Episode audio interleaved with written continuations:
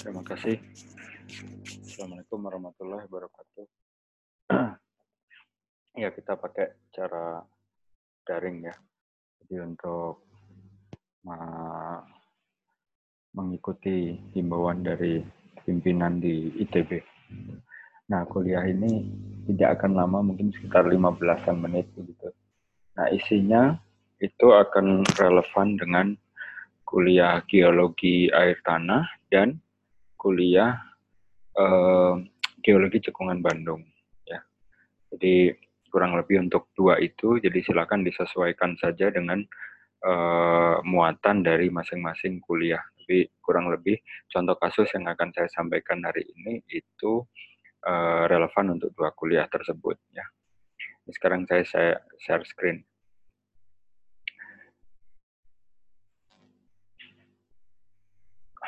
Baik, jadi uh, yang akan saya sampaikan hari ini adalah skripsi yang sudah diselesaikan oleh salah satu uh, mahasiswa yang kebetulan saya bimbing, yaitu Rizky Agung, yang meneliti di daerah Padalarang ya, Cipatat, Kabupaten Bandung Barat. Nah, link untuk versi seminar dari skripsinya ini akan ada di deskripsi. Jadi silakan Anda masing-masing bisa mengunduh dan ingat bagi yang cukup kuotanya bisa membagikan file yang sudah diunduh ke yang lain yang tidak memiliki kuota. Nah, di dalam repositori skripsi itu nanti akan ada slide kolokiumnya, uh, kemudian ada peta-peta ini ya, ada peta lintasan, ada peta hidrogeologi, dan ada peta geologinya. Gitu. Nah, jadi untuk meningkat waktu, kita coba jalankan slide-nya ya. Jadi ini slide versi seminar ya, bukan versi sidang. Jadi intinya saudara Rizky ini sedang menyiapkan repositori yang rapih begitu untuk uh, menghost uh, skripsinya yang sudah final. Dan makalah ini untuk diketahui akan dipresentasikan di IAGI dan di uh, seminar AASEC. Link abstraknya juga akan tersedia di di uh, deskripsi. Maaf. Nah, jadi seperti biasa ada pendahuluan dan lain-lainnya. Intinya begini, intinya kenapa saudara Rizky ini meneliti di daerah itu, itu karena di daerah Cipatat itu pada tahun 2022 akan direncanakan menjadi host untuk Pekan Olahraga Daerah. Jawa Barat. Jadi akan ada stadion baru di situ, sementara data-data baseline, data-data dasar itu masih sedikit. Ya. Jadi ini adalah salah satu saja uh, media uh, daring atau sorry salah satu saja hasil observasi yang uh, akan disediakan sebagai informasi dasar. Gitu ya. Nah, jadi ini lokasinya ya. Jadi kalau ini kota Bandung itu ada di bagian timur, nah, ini Bandung Barat, Kabupaten Baru. Kemudian di lokasi ini ada kota kecamatan, ini daerah Cipatat. Nah ini adalah metode metodenya.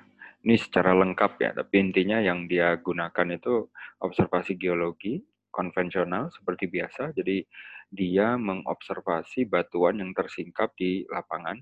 Yang kedua, dia menggunakan uh, observasi hidrogeologi, jadi dia me mencari sumur penduduk, mencari mata air, kemudian mengukur beberapa parameter seperti lokasi, koordinatnya, ya.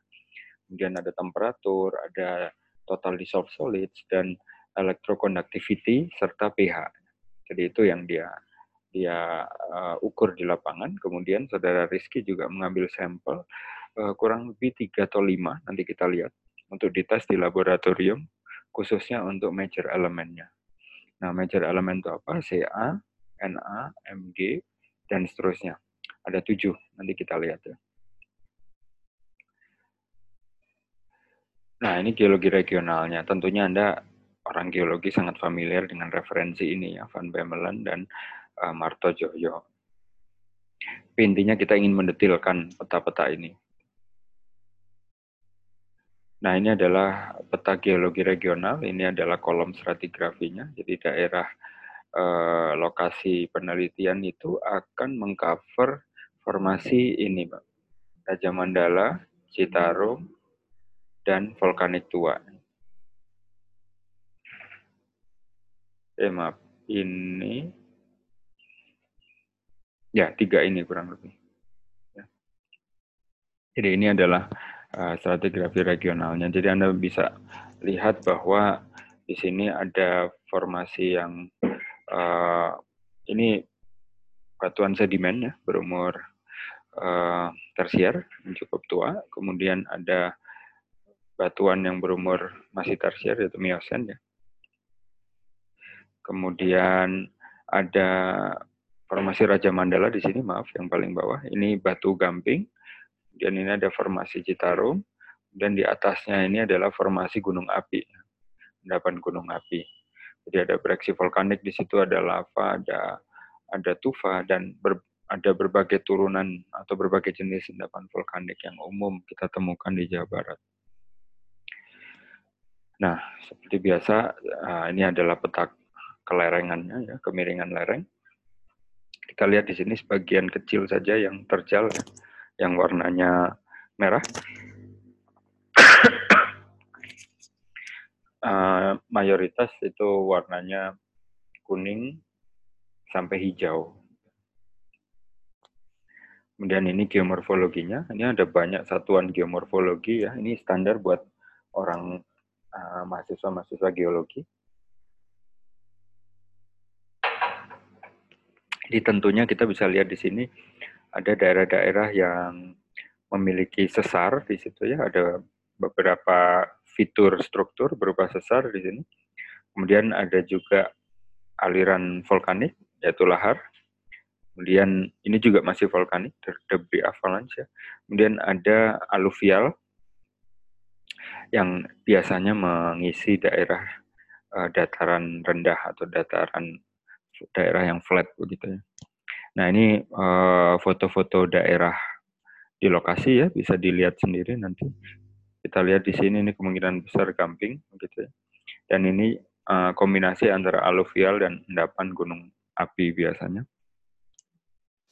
Kemudian kita bisa lihat dikelilingi oleh uh, batu gamping dan juga ini ada gunung api tua kompleks Sunda Purba. Jadi ini sebelum ada Gunung Tangkuban Perahu itu ada gunung itu. Kemudian ini ada punggungan-punggungan sesar, ya. Ada punggungan sesar, gitu ya. Dan ini adalah stratigrafi daerah penelitian. Mohon maaf sebentar.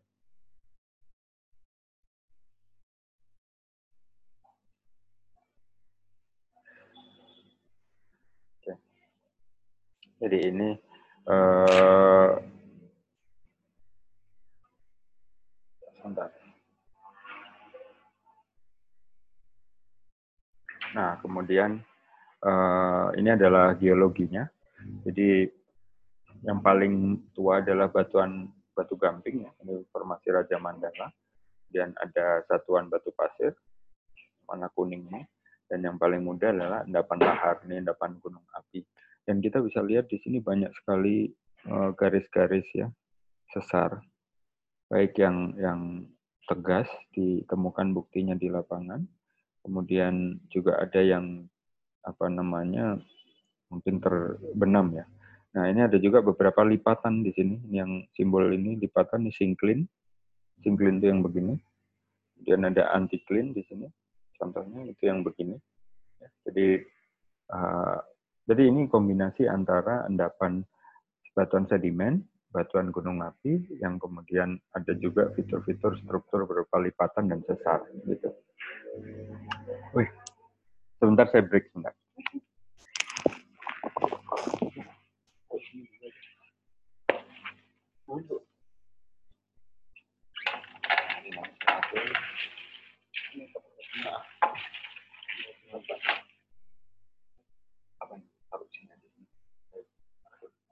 Langsung ya Pak, ya? saya lagi merekam.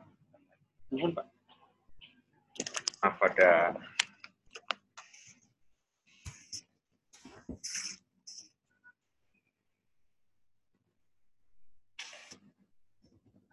Maaf ada interupsi sedikit. Jadi ini adalah beberapa penampakan ya, atau kenampakan batuan yang ada di lapangan. Ada batu gamping di sini. Saudara Rizky juga mengobservasi satuan-satuan uh, ini ya, spesies-spesies fosil yang ada di dalamnya. Tentunya ini sangat menarik kalau di studi lebih dalam begitu ya mengenai spesies ini. Dan ini permeabilitas buruk. Jadi artinya uh, sesuai dengan penjelasan saudara Rizky waktu seminar bahwa uh, batuan gampingnya sendiri itu di lokasi yang diobservasi tidak menunjukkan ada banyak fracture atau rekahan. Jadi kebanyakan air yang ada di situ mengalir atau tersimpan di satuan uh, tanah pelapukannya. Jadi bukan di batuan segarnya. Nah ini ada beberapa sayatan tipis. Ya. Ini mungkin untuk anak biologi akan sangat uh, menarik untuk ini. Ini ada umur batu gampingnya.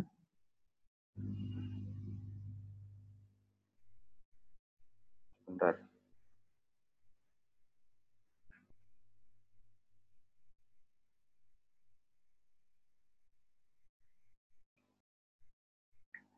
Maaf, ada banyak uh, interupsi. Nah, ini adalah uh, umur-umur fosilnya. Ya. Jadi kalau uh, orang geologi itu by default memang me, salah satu yang diobservasi uh, pada prosedur bakunya adalah uh, umur dari mitologi atau batuan yang dicerminkan oleh uh, usia ininya, usia fosil ya.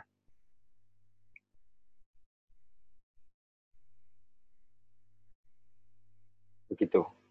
Nah, jadi di sini bisa dilihat ini ada oligosen, ini early atau oligosen awal dan ini akhir oligosen ya. Ini secara geologi memang uh, dia punya rentang yang cukup panjang ya. Kenapa? Karena ya usia fosil itu tidak menunjukkan satu titik usia tapi rentang. Ya ini secara umum uh, orang geologi akan menganalisis seperti ini. Kemudian lingkungan pengendapan batu gampingnya.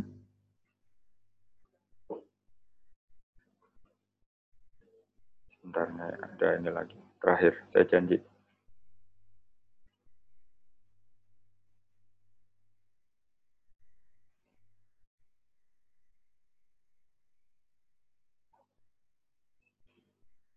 Oke, nah jadi kemudian uh, di sini adalah analisis lingkungan pengendapan satuan batu gamping.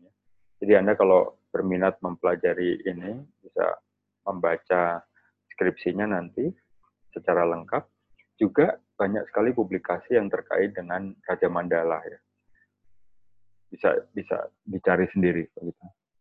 Intinya saudara Rizky ini mencoba menjelaskan ini.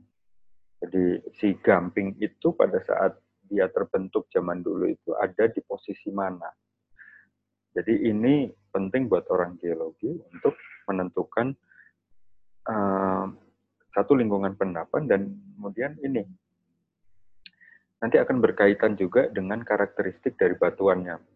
Jadi kalau dia diendapkan di satu tempat, karakternya akan berbeda dengan uh, kalau ia diendapkan di tempat lain, gitu. Walaupun dia sama-sama batu gamping atau sama-sama batu pasir atau sama-sama batu lempung dan seterusnya. Jadi cukup detail memang observasinya. Kemudian Pasias Batu Pasir ini foto-fotonya yang ada di lapangan. Nah, ini sungai, sungai kecil begitu ya, yang menurut Rizky permanen sungainya, jadi tetap berair di musim hujan dan musim kemarau. Nah, ini ada identifikasi fasies turbidit ya, dan seterusnya. Ini Anda bisa lihat sendiri. Nah, ini perlapisan-perlapisan lahar yang dilihat di lapangan. Terlihat di sini ada lapisan yang masih terlihat fresh ya, segar batu begitu. Yang di atasnya ini adalah tanah pelapukan. Jadi eh, mayoritas di Indonesia saat kita memeta memetakan apa namanya geologi suatu daerah biasanya akan ditemukan ini karena proses pelapukannya sangat intensif. Nah kita melaju saja terus terus melaju ini penampang geologinya bisa dilihat sendiri Nah, kita masuk ke hidrogeologi gitu ya. Nah, jadi uh, kalau kita hanya bersandar kepada peta geologi regional, memang informasinya tidak banyak.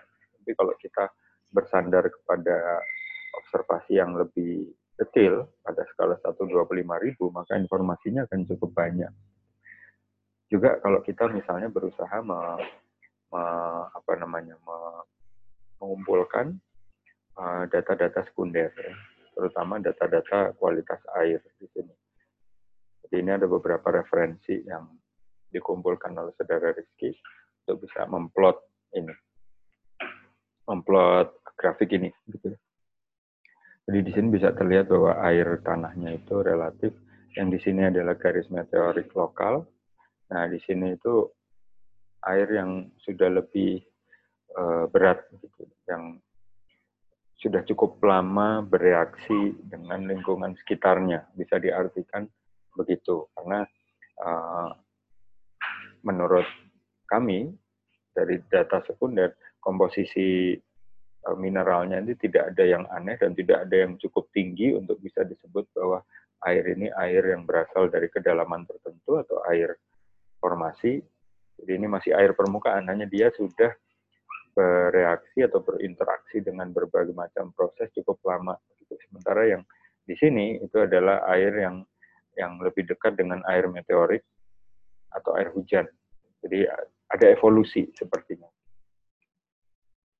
Dan ini adalah peta hidrogeologinya. Jadi kita bisa lihat aliran uh, air tanah itu dari yang tinggi ke yang rendah. Dari daerah yang batu gamping ini warna biru ini ke arah melingkar begitu.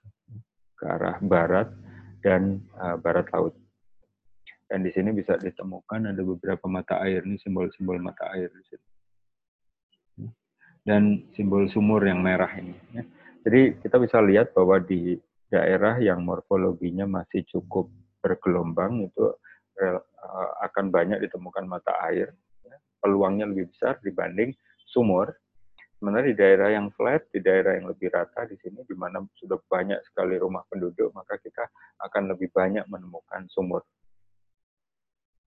Ini penampang hidrogeologinya, jadi di sini ada batu gamping. Gitu ya. Ini kemungkinan bisa menjadi sekat antara sistem yang ada di bagian uh, kanan dan sistem warna kuning yang ada di bagian kiri. Dan ini kalau akan menarik kalau kita bisa observasi lebih lanjut apakah benar yang kita yang kita apa namanya petakan ini gitu karena geologi itu akan semakin jelas dengan skala pengamatan yang lebih detail. Ini skala 1 banding 25 ribu dan mata air mata air yang ada di situ kebanyakan mata air depresi, mata air lembah begitu. Kemudian ada mata air kontak antara dua jenis batuan yang berbeda. Ini saudara Rizky juga sudah mengenalinya. Dan kalau Anda lihat alat ini, ini alat sederhana ini untuk mengukur temperatur, pH, eh, total dissolved solids, begitu ya. Harganya kurang dari satu juta. Nah, ini juga genangan-genangan air yang berasal dari rembesannya. Jadi rembesan ini bisa dikategorikan juga sebagai mata air sebenarnya ketika debitnya membesar. Rembesan ini uh, seperti ini karena debit mengalirnya, debit alirannya kecil. Pada saat dia besar, maka akan mengalir seperti layaknya mata air. Jadi kelihatan ada alirannya. Nah, ini ada nilai TDS-nya. Kemudian uh, kita lihat di sini mayoritas di kisaran 150 ya, 100 sampai 200 begitu. Ada juga yang 450. Ya. Kabarnya ada air hangat juga di daerah sini menurut saudara Rizky. Itu yang ini mestinya. Nah, EC juga sama. EC itu uh, parameter yang mirip-mirip dengan TDS ya. Mirip juga dengan salinitas, jadi menunjukkan konsentrasi ini menunjukkan konsentrasi kadar garam atau mineral yang ada dalam air. Ini pH-nya, pH-nya itu ada di kisaran 6 sampai 7 yang banyak. Tidak ada masalah dengan ini. Ya, jadi kalau dari sisi kondisi tadi TDS pH itu semuanya masih layak, namun demikian uh, perlu kiranya uh, pada penelitian selanjutnya itu didetilkan dengan meneliti kualitas airnya secara uh, berkala begitu ya pada baik pada musim hujan maupun musim kemarau. Nah ini aliran panah-panah aliran air. Di sini ada zona uh, sorry bukan aliran air peta sebaran TDS. Jadi TDS-nya itu akan besar di daerah yang kuning, kemudian merendah di daerah yang hijau. Ya, ini informasi-informasi awal yang bisa didapatkan.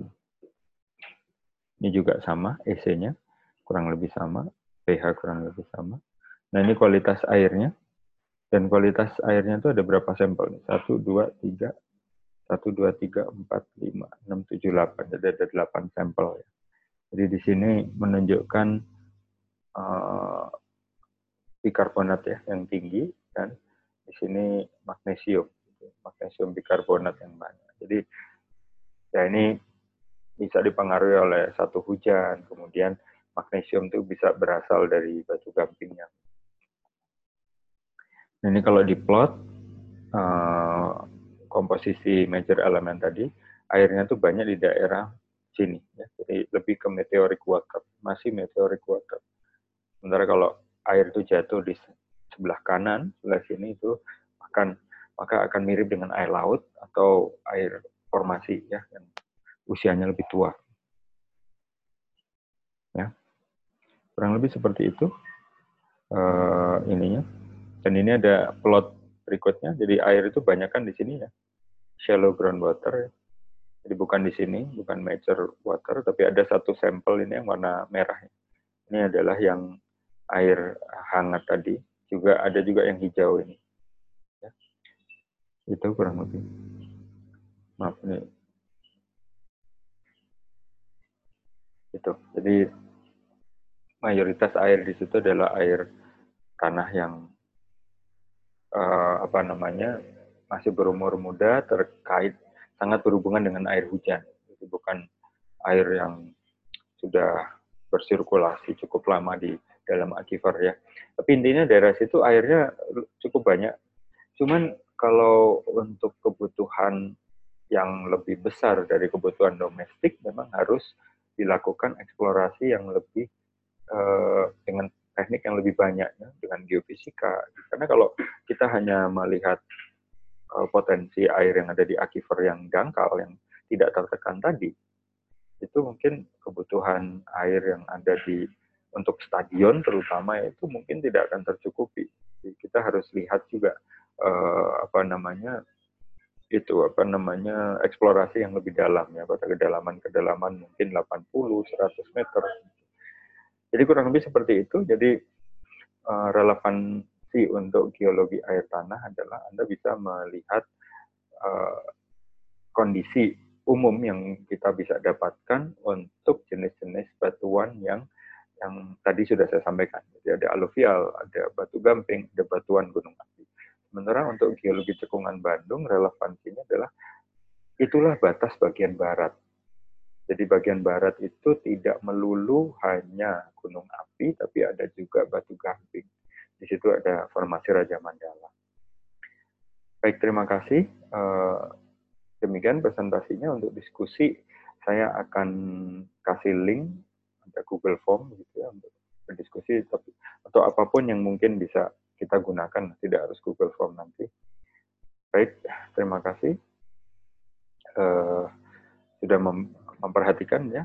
Semoga kita semua sehat dan uh, dengan adanya libur kuliah ini sebenarnya bukan libur ini itu kuliahnya di tempat masing-masing untuk mengurangi Anda semua berkumpul begitu ya. Jadi tolong jangan diartikan ini sebagai liburan terus Anda pulang kampung begitu ya. Karena resikonya akan lebih besar ketika Anda ke tempat-tempat umum. Oke, terima kasih dan pastikan Anda mengikuti arahan-arahan dari ITB demi kesehatan bersama. Selamat pagi, Assalamualaikum warahmatullahi wabarakatuh.